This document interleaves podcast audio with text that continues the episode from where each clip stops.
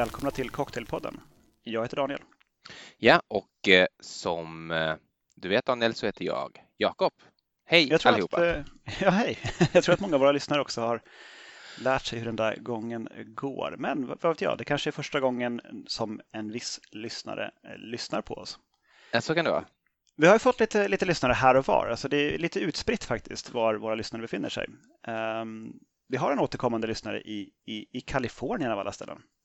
Mm. Som jag ser dyker upp då och då. Ofta nog för att det inte ska vara en bot, tänker jag, som liksom sådär går in och lyssnar på lite random avsnitt då och då. Det kan ju vara någon lirare som försöker liksom undkomma CIA eller något och låtsas att hen är i Kalifornien men sitter i själva verket i Motala. Vem vet?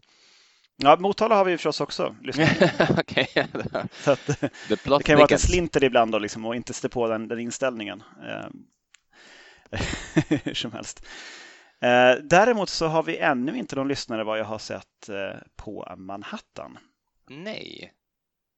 Och det är lite synd, för att, men det kanske vi får efter dagens avsnitt som ju faktiskt ska handla om just Manhattan.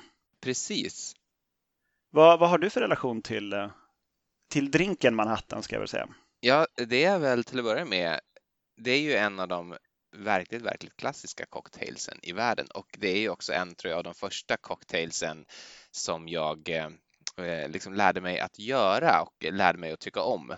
Eh, framförallt lärde mig att göra kanske. Det har inte varit någon sån här eh, egentligen riktig favorit, även om jag heller aldrig har ogillat den så har den aldrig varit liksom något så här standardval egentligen som jag alltid väljer under en period. Liksom. Så. Så, som det kan vara med en Old Fashion till exempel eller en Margarita. Att, att liksom, ett, ett tag blir man besatt med en viss drink. Men jag kan säga så här. Eh, Framför mig här inne i garderoben där jag sitter så sitter en anslagstavla och på anslagstavlan så sitter det kvar massa, massa lappar från när jag och Linda i Arla urtid höll en cocktailfest. och på de här... Typ tillbaka i Uppsala då eller? Ja, ja, ja, när vi var nya i Uppsala nästan, alltså långt innan vi egentligen var intresserade av cocktails. Eh, men då fick vi för oss att vi skulle ha en, ett cocktail eh, hour eller cocktailparty då för våra vänner. Så vi köpte lite sprit på måfå och började bläddra i en bok. Och sen så de recepten som vi tyckte verkade mest intressanta skrev upp på lappar och satte upp på den här anslagstavlan. Och eh, nu sitter anslagstavlan med lapparna kvar. Och det jag tänkte komma till då, precis här, faktiskt allra, allra närmast mig, nere i hörnet eh, på den här tavlan, så står det Manhattan. Och eh, ska jag dra receptet som jag, som jag hade då? då? Ja, absolut. Men det är kul med sån här eh, lite arkeologi i ditt eget hem. Mm, visst är det. Det är också en slump. Jag har inte alls planerat det här. Jag bara, jag bara såg det nu. Eh, jag har också ritat en liten bild på och jag tror ska vara New Yorks skyline. Och, det är klart du har gjort det. Och istället för att eh, skriva ut Manhattan i bokstäver så har jag skrivit M-A-N och sen ritat en hatt och sen skrivit A-N, vilket jag då också gissar att jag tyckte var väldigt eh, alltså- fyndigt. Alltså, för det är också en sån här kapitalisthatt som du vet, eh, Manhattan-kapitalister En sån hög hatt? Exakt. Med, som man ska ha med monokel till helst? Just precis. Och kanske spatserkäpp? Eh, precis en sån, du, du, förstår precis vad jag är ute efter då. Mm. Men här har jag skrivit då två gånger bourbon, 0,5 gånger vermouth, 2 till 3 stänk angostura. Eh, det är steg 1. Steg 2, rör som bara den. Eh, steg 3, häll det hela i ett kallt cocktailglas. Steg 4, dekorera med körsbär och steg 5, svep. Det där sista steget skulle jag väl kanske ta avstånd ifrån idag. I övrigt så tycker jag det känns ganska solitt. Jag skulle, jag skulle ha haft lite mer vermouth om, om jag hade varit jag. Mm. Jag, jag gillar 2 till 1 eh, ratio om jag har en vanlig Manhattan. Liksom. Mm, ja, just det. Ja, det, det här är ju två Den har varit li, li, lite tunnare liksom. Ja, det får man säga. Väldigt eh, stadig. Lite hårdare. Ironiskt nog. och så ska den svepas också. Hårda bud.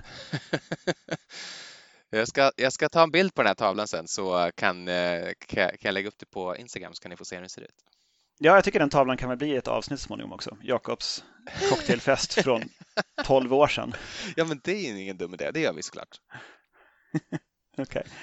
Um, ehm, vad skulle jag säga? Jag, min resa med Manhattan, jag var inte så förtjust i dem tills jag bytte vermouten från vanlig Martini Rosso till Carpano Antica.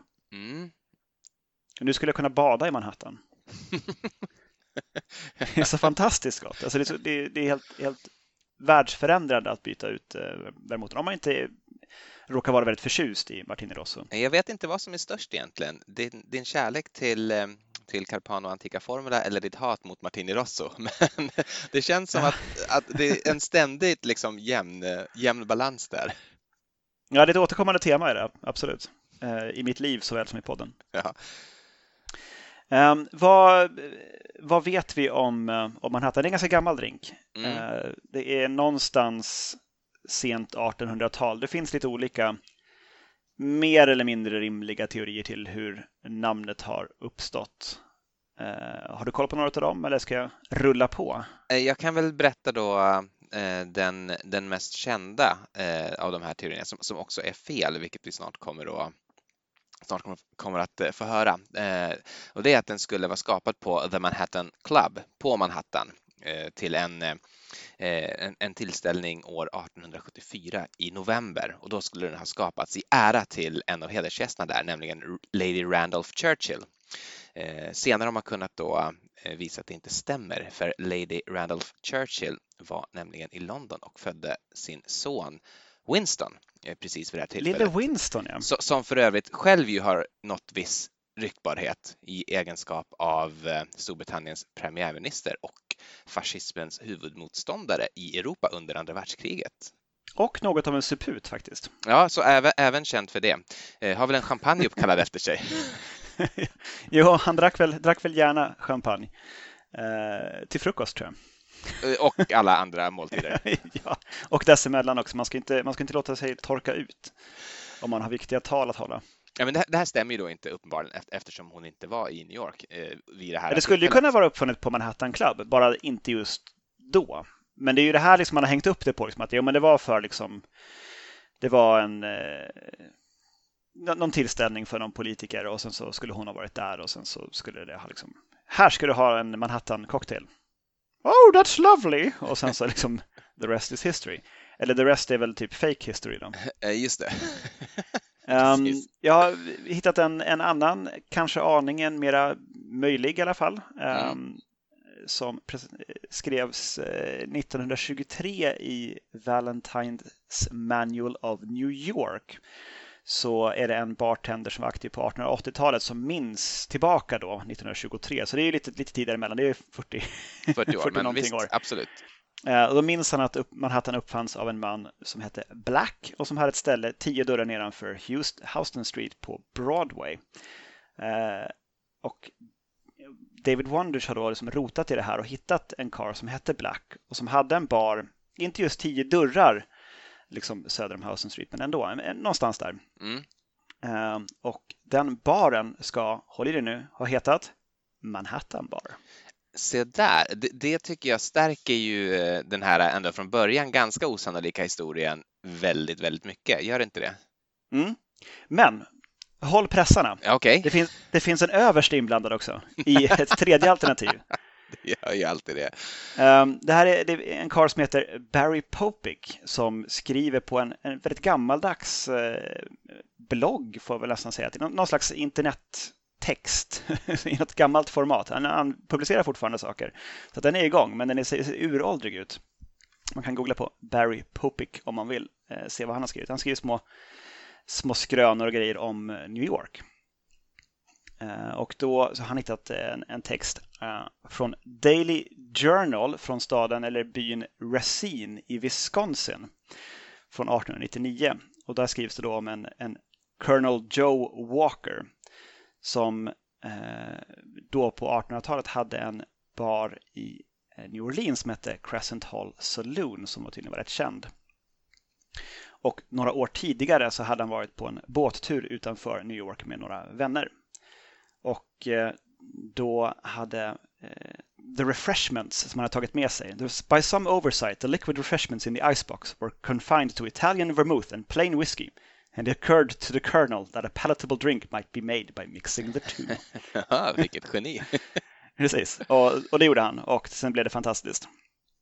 Och sen så tar han också med liksom en liten grej på slutet, helt oförhappandes bara för att inte någon ska lägga fel, i att man ska inte ha torr vermouth för då blir det vidrigt. Okej, okay. Eh, det är ju det är starka ord tycker jag, men eh, jag, jag håller ju med om att eh, en Manhattan ska ha italiensk vermouth och inte fransk. Men vidrigt, ja, en, en, en, dry Manhattan kan ju funka tycker jag. Jo, precis. Eller en eh, Manhattan Perfect också för den delen. Med, med en kombination eh, av dessa två, ja. Eh, absolut. Men det står här, a cocktail made from the French brand is no more a Manhattan cocktail than it is a Spanish omelette. det, är en hård förolämpning antar jag. Jag vet inte om man slänger in spanska ja, omeletter i det hela. En, en, stark bild i alla fall. Jag känner mig nu övertygad om den här överstens bedömningsförmåga. Mm, men jag, jag, jag satsar nog mer på att det var en bar som hette Manhattan Bar och att det var en car som hette Black som drev den och att någonstans där så hade man en drink som hette Manhattan. Men att man har blandat liksom sötvermouth med uh, olika spritsorter på 1800-talet och att man vid något tillfälle har döpt det här till en Manhattan. Det får väl ändå anses vara liksom, ja, så, bekräftat på något vis. Det, så, så har det gått till.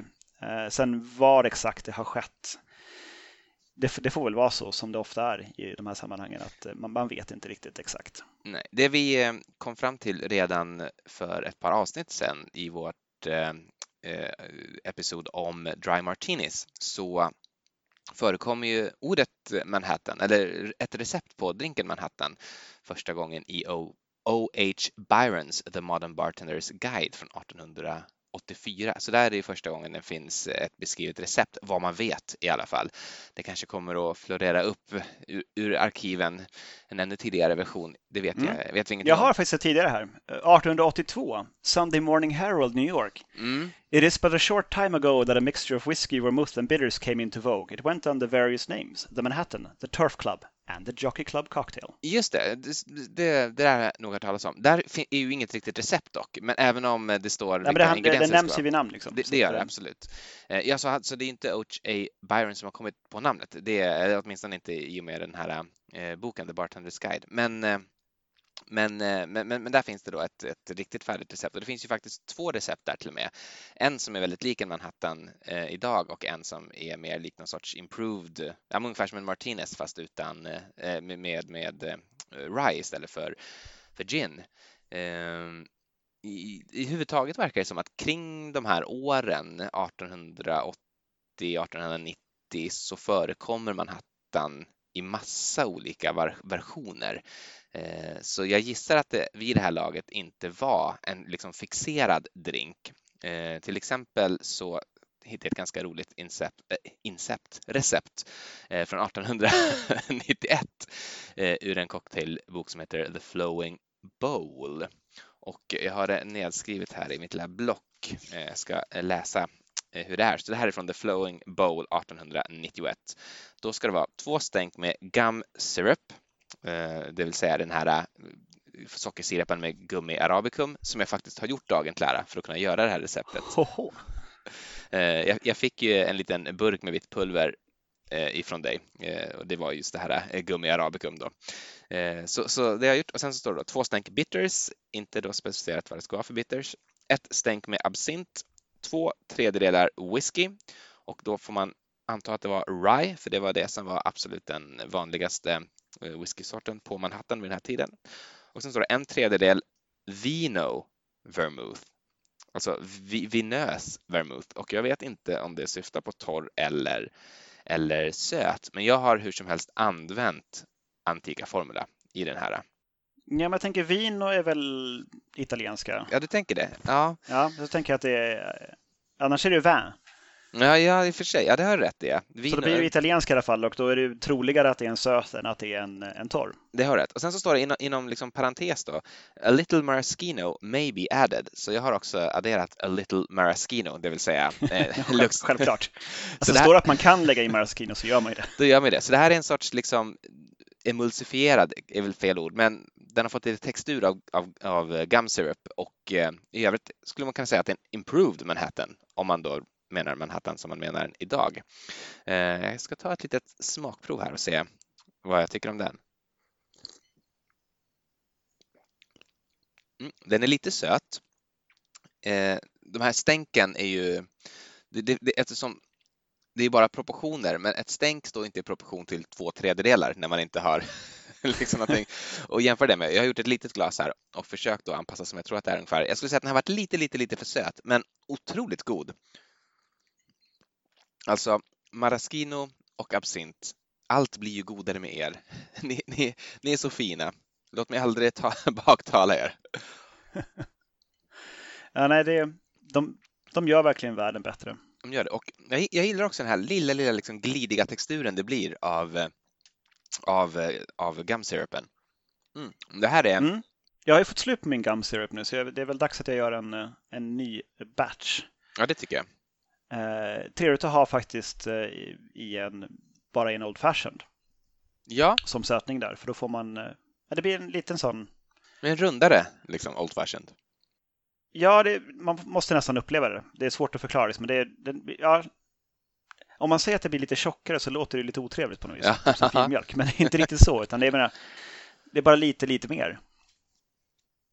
Ja, jag, jag, kan varmt rekommendera. Det finns ett recept eh, i något tidigare avsnitt och också om man scrollar ner lite grann i vårt Instagramflöde så ligger en bild på en, eh, en vanlig vit genomskinlig flaska och där ska det då finnas ett recept på eh, gum syrup.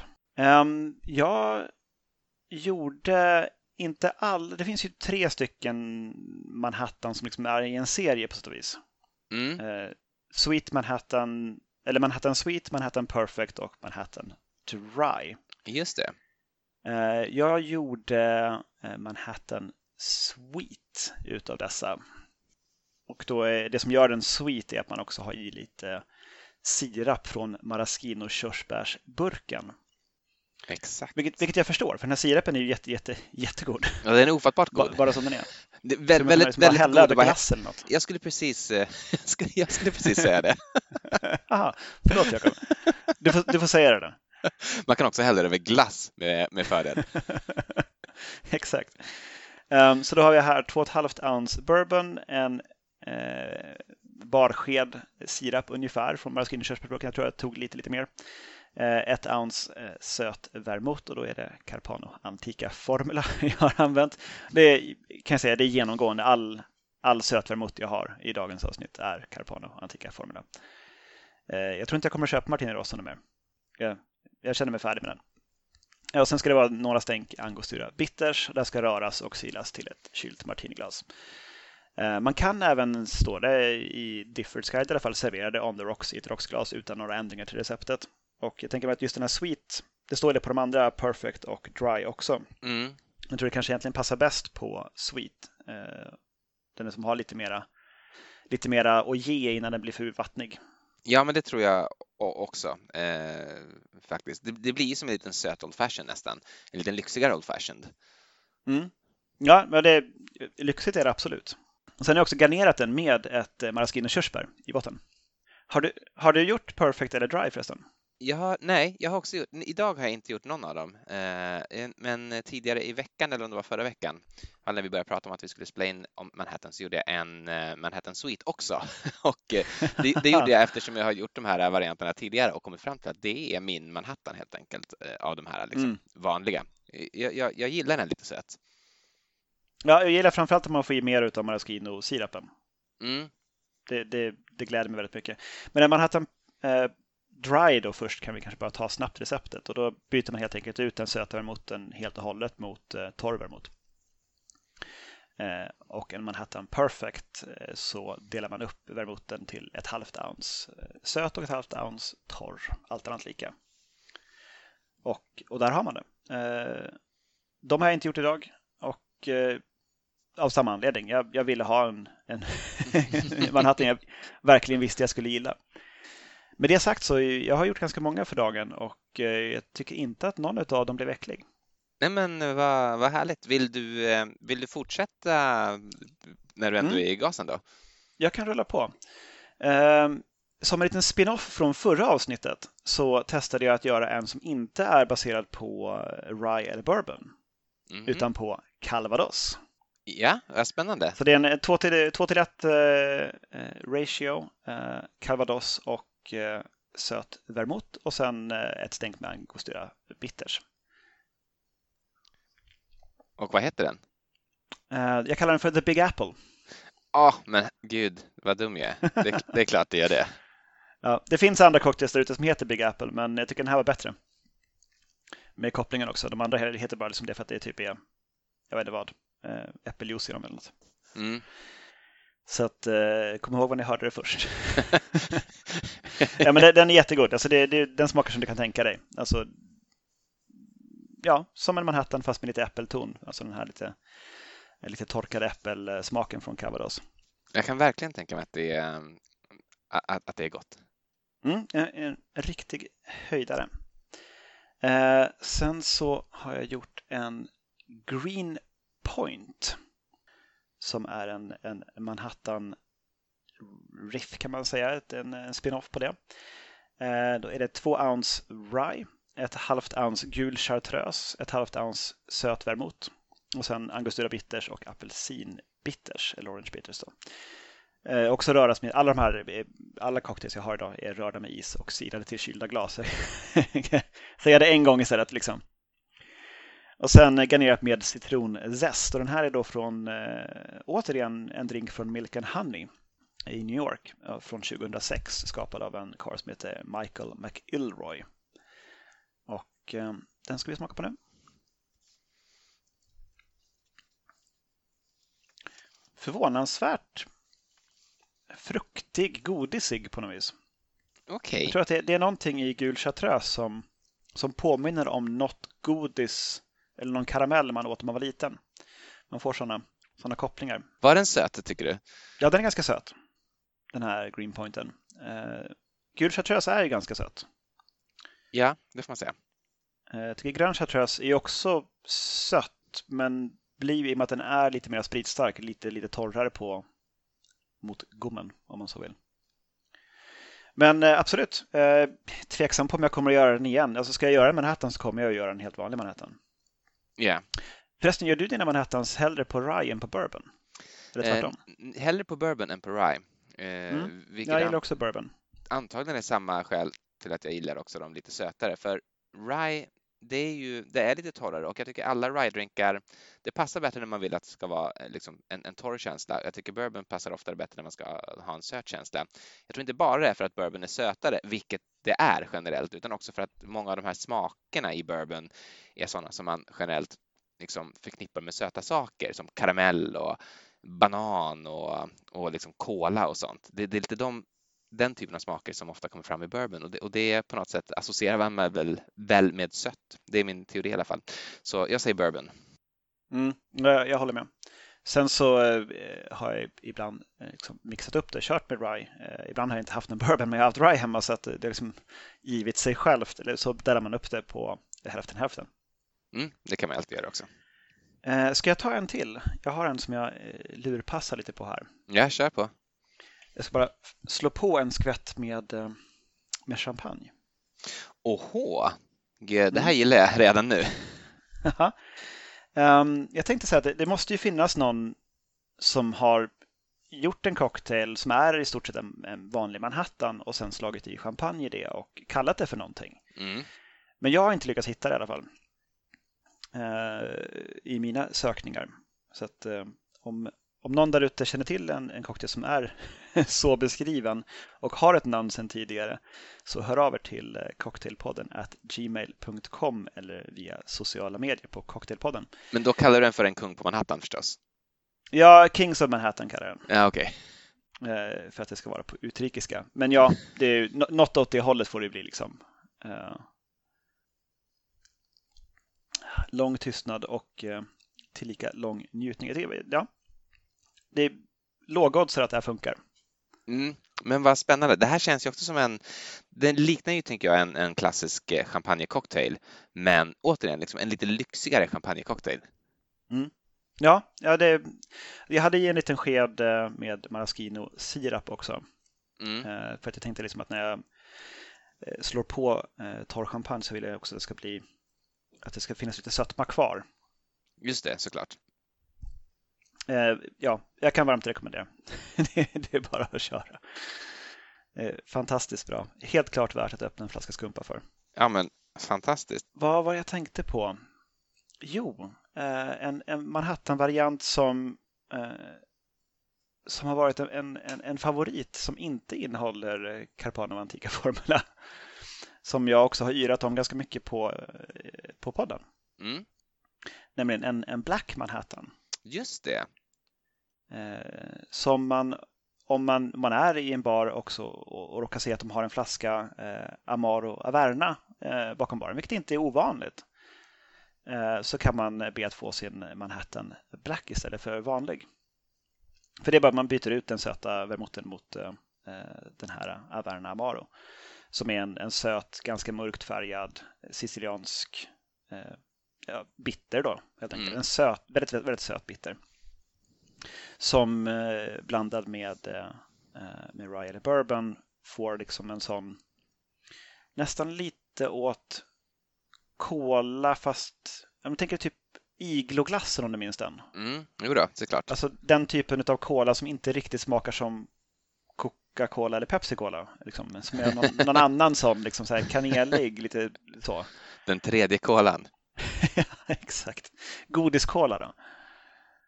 Eh, väldigt, väldigt, väldigt eh, god och eh, jag kan varmt rekommendera den också. Jag tänkte inför det här avsnittet köpa en flaska eh, Averna just i akt och mening att göra en Black Manhattan, men fick vända hem i oförrättat ärende emedan det inte finns på något systembolag. Det mm. måste man beställa. Det förvånar mig med en så ändå klassisk Amaro att, att den inte finns i någon butik. Alltså, tills den dagen de börjar faktiskt hålla sig med Maraschino i Systembolaget så tänker jag inte ifrån det, att de saknar någonting annat. okay. alltså, det, är som det, det, det, det, börjar där på något vis. Systembolaget, om ni lyssnar, skärp er. Mm. Det behövs Maraschino ute i, i, i Systembolagen. Here, here. Mm -hmm. Eh, har du något mer där, Jakob? Ja, något som jag däremot har gjort som ju påminner kanske lite grann, inte så mycket till smaken, men till idén eh, av en Black Manhattan. Det är ju den här eh, varianten som heter Fanciulli. Förlåt? Fanciulli. Okay. F-A-N-C-I-U-L-L-I. Och eh, det finns mm. inget recept på Difference Guide på den här, men det finns eh, liksom en beskrivning och då står det så här. Made with Fernet Branca in place of Angostura aromatic bitters. Så det är ju helt enkelt då uh, någon sorts whisky, till exempel då bourbon, lite vermouth och istället för bitters så har man en skvätt med Fernet Branca. Och jag har googlat lite grann på olika recept och eh, det som jag fastnade till slut för eh, det kommer från drinkup, drinkstraightup.com eh, och i det så ska det vara då en och en halv ounce med bourbon, 0,75 ounce med vermouth och 0,75 ounce med Fernet Branca och det här ska då röras och garneras med en citronzest. Och Just alltså, in, alltså in place av Angostura Bitters. man tar det som normalt sett är två eller tre stänk mm. och kör upp det liksom till eh, tre fjärdedels ounce. Ja, det, det, det, fanns också varianter med betydligt mindre, också varianter med, med väldigt lite både vermouth och eh, det, ja, det finns i alla möjliga proportioner helt enkelt. Jag vet inte om det finns något standardiserat recept. Då hittar jag det inte, men det var det här jag fastnade för i alla fall.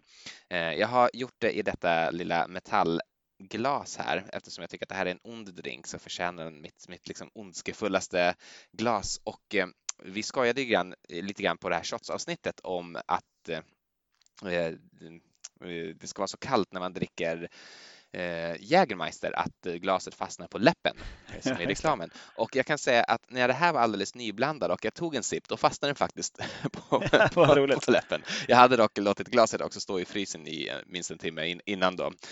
Hann du, hann du med att säga ice cold innan den lossnade för läppen? Jag gjorde, jag gjorde tyvärr inte det. Jag hann bara med att bli chockad och, och, och dra bort den. Men det var lite av en sån här äh, throwback till när man var barn och äh, slickade på lyktstolpe äh, på vintern. Jag vet inte varför man gjorde det, men jag gjorde det säkert fyra gånger under min barndom. Alla gånger med förödande resultat av blodig karaktär. Jag tror inte jag slickade på en lyktstolpe någon gång, men även på andra metallgrejer har jag varit på. Liksom. Ja. Men just själva lyktstolpen tror jag nog jag lyckades undvika. Jag får kolla med min mor och se om, om det stämmer ja, i, i, så fall kan jag bara säga grattis. Så jag, jag ska ta ett smakprov av den här äh, Fanut Fanciuelli. Ah, jag kan knappt uttala det, men eh, ni, ni, får kolla på Insta sen om ni vill se hur den stavas. Ah, Fernet går ju igenom. Det, det är egentligen för mycket Fernet tror jag. Fast ändå god. Alltså Fernet har ju blivit någon sorts hipster äh, liksom shot och har varit det under ett bra tag. Jag trodde att det var över, men när vi var i Amsterdam så fick vi ju det på en sån här riktig high-end bar eh, som ett litet freebie, tror jag i alla fall. Det var väl ingenting vi hade beställt, utan jag tror bartendern bara nej kom det, upp och, det betalar vi inte för. och bara hällde upp eh, eh, sådana shots med Fernet. Vi behövde inte de shotsen då kan jag säga. det här var också ganska sent på kvällen. Eh, Det stämmer. Eh, Och även, det var ju din bror då i och för sig som beställde, nej förlåt, jag menar eh, Emelies bror som beställde. Nu när ni är ett så tycker jag också att det är, era syskon är ett då, som, som du hör. Okej. Ja. Eh, Emelies bror beställde väl det till allihopa när vi var i Stockholm nu eh, för några vecka sedan också. Då han tycker jag har lite hipster-vibe så att eh, det kanske fortfarande är hipsterdrickat nummer ett. Och i så fall, om man är hipster då och vill vara hipster med klass, då kan man ju göra den här Fernet-versionen av Manhattan. Absolut. Jag tror att om man är hipster i Amerika så är det nog Malort man ska ge sig på. Åtminstone när man är i norra delen av USA. när, jag, när jag sträckte mig efter Fernetten här i garderoben och liksom snuddade vid eh, beska droppar så tänkte jag, ska jag? Jag kanske ska, men sen gjorde jag det inte. Du, du, till slut så tog du det till liksom, dina sinnens fulla bruk igen och bara, nej, jag ska låta bli. Det hade nog inte varit njutbart överhuvudtaget tror jag. Men jag- jag kan säga så här, av alla, jag har tre stycken eh, glas här framför mig och av samtliga så är det den här eh, eh med, med Fernet som doftar godast, för det är i ett citronzest som ligger där så det är liksom citronigt och kryddigt och mintigt och liksom kola från bourbonen och ja, den har en underbar doft, väldigt, väldigt fräsch, örtig. Liksom en god doft på så sätt som en parfym kan ha en god doft, eh, men ändå inte parfymigt på det här dåliga sättet som när man säger att något är parfymigt, som till exempel parfämor som ju är liksom som, som tvål i munnen. Ja, man vill inte dricka parfym ändå. Nej, men, men det blir lite för bittert. Jag skulle nog, jag skulle nog gått på ett av de mera moderatare recepten och tonat ner eh, Fernetten. Då tror jag att det här skulle kunna blivit eh, riktigt bra faktiskt. Mm. Eh, kan du gissa vad som är i en breakfast Manhattan? kan, det- kan, det vara, kan det vara apelsinmarmelad? Exakt. Ehm, just det, jag ska slänga in eh, en sällan återkommande men ändå någonting som dyker upp ibland. Veckans Hemingway-koppling. Mm, mm. Eh, jag har inte lyckats kunna belägga att Hemingway har druckit Manhattans någon gång, men det har han förstås gjort. Mm, det fanns ju. Eh, precis, det fanns och han drack. Men däremot, eh, Hemingways barnbarn, Marielle Hemingway, hon spelade i Woody Allen-filmen Manhattan 1979. Se där. Så att eh, där har vi, tycker jag, en eh, rätt, rätt tydlig Hemingway-koppling ändå. Ja, det tycker jag verkligen. Eh, Där satt den. Får jag haka på då med lite mera liksom, tv-historia och filmhistoria? Kör. Jag har ju pratat i tidigare avsnitt om den utmärkta och i orättvist dåligt behandlade av eftervärlden serien Sex and the City som ju alltjämt liksom sopar banan med det mesta på Netflix eller Och då HBO. framförallt Girls som du avskyr. Ja, det kan man säga. Framförallt Girls, men, men också mycket annat. Eh, i, I den här serien så dricker de ju mest av allt Cosmopolitans. Det är ju liksom det som eh, den här serien har blivit känd för, för oss eh, hemmabartenders. Men i ett avsnitt, nämligen avsnittet när Miranda inser att hon inte har råd att bo kvar på Manhattan när hon ska eh, Liksom, när hon har fått barn och, och måste bo större eh, och måste flytta ut till Brooklyn. Då har de liksom en, en sista natt när alla bor på Manhattan och då dricker de förstås Manhattan på Manhattan eh, på Manhattan. Och eh, Var, var det stället som hette Manhattan också? Eller ja, det, det, det, det, jag tror inte det. Jag, jag kommer faktiskt inte ihåg. Men, men de dricker massa Manhattans då i alla fall för att liksom, nu, nu lämnar hon Manhattan. Och eh, jag tycker att de kanske skulle kunnat ta sig an det här eh, på en lite eh, positivare sätt, nämligen genom att dricka Manhattans fantastiska kusin eh, The Brooklyn, The Brooklyn Cocktail, eh, som jag av en händelse har också Oho. i ett glas här bredvid mig. I, en Brooklyn så ska man ha då en och en halv ounce med rye, samma, samma del, det vill säga ett och ett halvt ounce med torr vermouth, alltså fransk vermouth, eh, en tredjedels ounce med Amer Pecan som ibland också heter Pecan Amer, det vill säga den här lite apelsinbittervermutten som vi har pratat om i något tidigare avsnitt också. I förra avsnittet tror jag till och med, Calvados-avsnittet. Eh, och sen ett tredjedels ounce maraschino. Och det här ska sedan garneras också med ett maraschino eh, körsbär. Det låter ju väldigt gott på pappret jag kan säga så här, det är, det är väldigt gott. Det här är faktiskt, eh, det här kanske är min favoritvariant av, av liksom alla, alla Manhattan-drinkar om man ska räkna liksom de här Grand Borrowsarna eh, till denna familj och det tycker jag man ska. Ja, den är så perfekt balanserad och mjuk och rund och härlig. Det här är verkligen en, det är en, det är en toppencocktail. Det, det är en cocktail, förutom basspriten då som ju är lätt igenkännlig, så är det en sån här liksom cocktail, man, man kan inte riktigt lista ut vad det är i den därför att smaken har gift sig till en enda helhet. Den smakar liksom inte av sina delar. Den, den, smakar, den smakar unik, Den smakar som en Brooklyn och eh, man kan liksom inte riktigt dela upp det i, i några ytterligare beståndsdelar. Eh, men det är inte bara Brooklyn heller som har fått eh, Eh, cocktails uppkallade efter sig av New Yorks boroughs. Jag eh, tänkte, ska vi köra en liten, en liten popquiz här och se om, om, du vet vad det är i, i några, några, andra här. Eh, i, en, I en Queens till exempel, vet du vad som finns i en Queens? Jag, jag kan snabbt svara på att jag, jag vet egentligen bara typ vad det är i Staten Island Ferry Cocktail. Ja, okay. Så vi kan återkomma till den sen. Ja, okay då.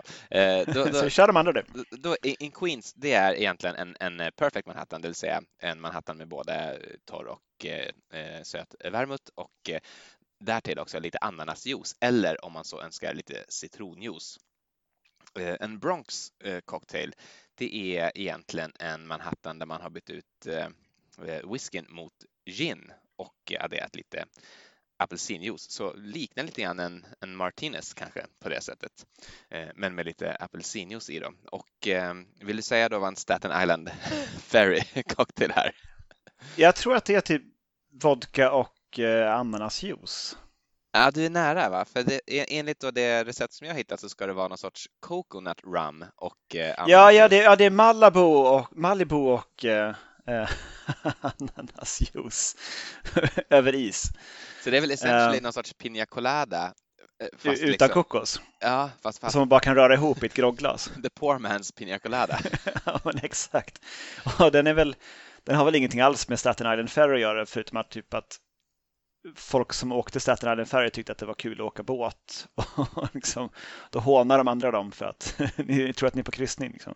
Men vad är det, vad är det, varför är Staten Island så hånat? Det är ju, för det första är det ju knappt känt. Jag tror att om du skulle fråga en random svensk om New Yorks liksom, stadsdelar eller boroughs så skulle ju, eh, jag skulle säga 19 av 20 skulle kunna säga Bronx, Queens, Brooklyn och Manhattan. Men, men hur många skulle ens känna till Staten Island?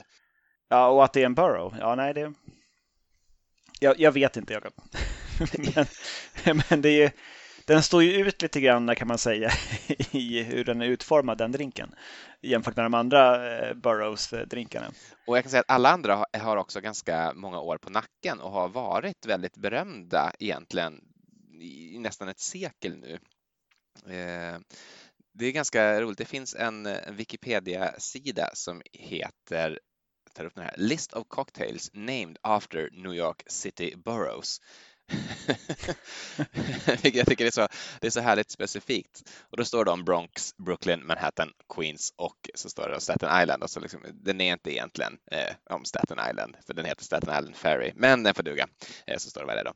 Men eh, alla de här eh, är liksom från 1930-talet eller tidigare. Det är egentligen Queens är tror jag först beskriven kanske i, i Savoy Cocktailbok från 1930, men har antagligen funnits eh, mycket längre. För det är knappast Harry Craddock som hittat på den eftersom det här hände i, den, den är skriven i England och han kom ju redan i början av förbudstiden så att den, den är antagligen pre-prohibition den också. Eh, om, om, Bronx Cocktail så står det att någon sorts eh, organisation vid namn IBA, jag vet inte riktigt vad de står för, men så här står det. It was formally listed as an IBA official cocktail and was ranked as the third most famous cocktail in the world in 1934. Hoho. Eh, jag, jag, jag, vill säga en annan rolig sak som man kan läsa på den här, på den här Wikipedia-sidan om Bronx Cocktail som är lite så här lakoniskt och inte riktigt hör till men som är lite så här trivia kan man säga. Eh, den lilla artikeln om Bronx Cocktail så står det då, den slutar på det här sättet. Eh, according to Alcoholics Anonymous founder Bill W. The first drink he ever made was a Bronx cocktail after which he became an alcoholic. Oj! Man blir ju sugen. ja, ja, alltså han var, han var, Det måste varit en jäkla cocktail ändå. han, han var instantly en alcoholic efter att han drack sin första drink som var en Bronx cocktail. Så ja, det är ju, det är ju uppenbarligen någonting med en Bronx. Alltså man får ju utfärda någon slags varning då, tänker jag. Jag, t- jag tänker det också. Ehm, Jag har gjort en, eh, en till, eh, om du är klar med dina, eh, din geografilektion över New York. Det är, Ehm, Den heter I'll Take Manhattan, mhm. eh, som då tydligen, alltså jag vet inte om den är döpt efter det, men det, det finns en, en bok på, från 80-talet någonstans eh, som är skriven av Judith Krantz som också gjordes till en tv-serie på 80-talet som heter just I'll Take Manhattan. Som jag inte har läst och inte sett och inte har någon vidare aning om vad den handlar om. Men det, det kanske du vet. Mm, Det vet jag inte. Jag, jag, jag tänkte ju omedelbart på den här Leonard Cohen-låten som väl går First we'll take Manhattan and then we'll take Berlin. Jag tänkte också på den, men det, det har inte någonting med I'll Take Manhattan att göra. Så att, eh, det, man skulle kunna döpa om den nu till eh, First We'll Take Manhattan så har man plockat in Cohen-referensen där. Mm. Hur som helst, eh, här förstärker man körsbärstonen lite grann genom att slå i lite Cherry Hearing. Ah, genialt. Två ounce bourbon, ett halvt ounce Cherry Hearing, ett halvt ounce, eller ett ounce söt vermouth och eh, två stänk med angostura.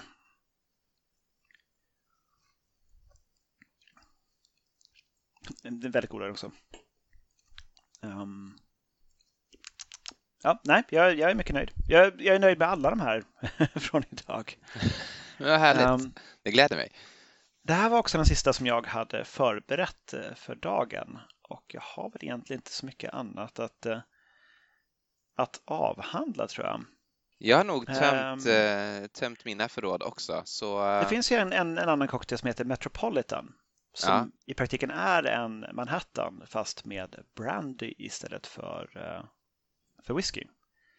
Den tror jag kan funka rätt bra också. Den är också väldigt gammal. Den är från samma vevare som sent 1800-tal när man liksom testade samma drink fast med olika spritsorter. Så att den, eh, den kan jag nog tänka mig att prova den eh, efter liksom framgången här med eh, The Big Apple. Just det. Det var bra. Man kan, om man vill, lämna en recension där man lyssnar på sina poddar, om det så är på sin iPhone eller via Soundcloud eller var man nu hittar sin, sin podcast. För vi finns väl på några fler ställen än Soundcloud, misstänker jag. Eh, ja, det Där, misstänker där jag poddar också. finns eller något, brukar man säga på, på P3. Men jag vet inte riktigt. Jag, jag, jag, jag brukar testladda ner när, vi, när jag har lagt upp någonting eh, i min Android-app som heter typ Podcast Addict. Det töntigaste namn man närmast tänka sig kan. Men där finns vi i alla fall.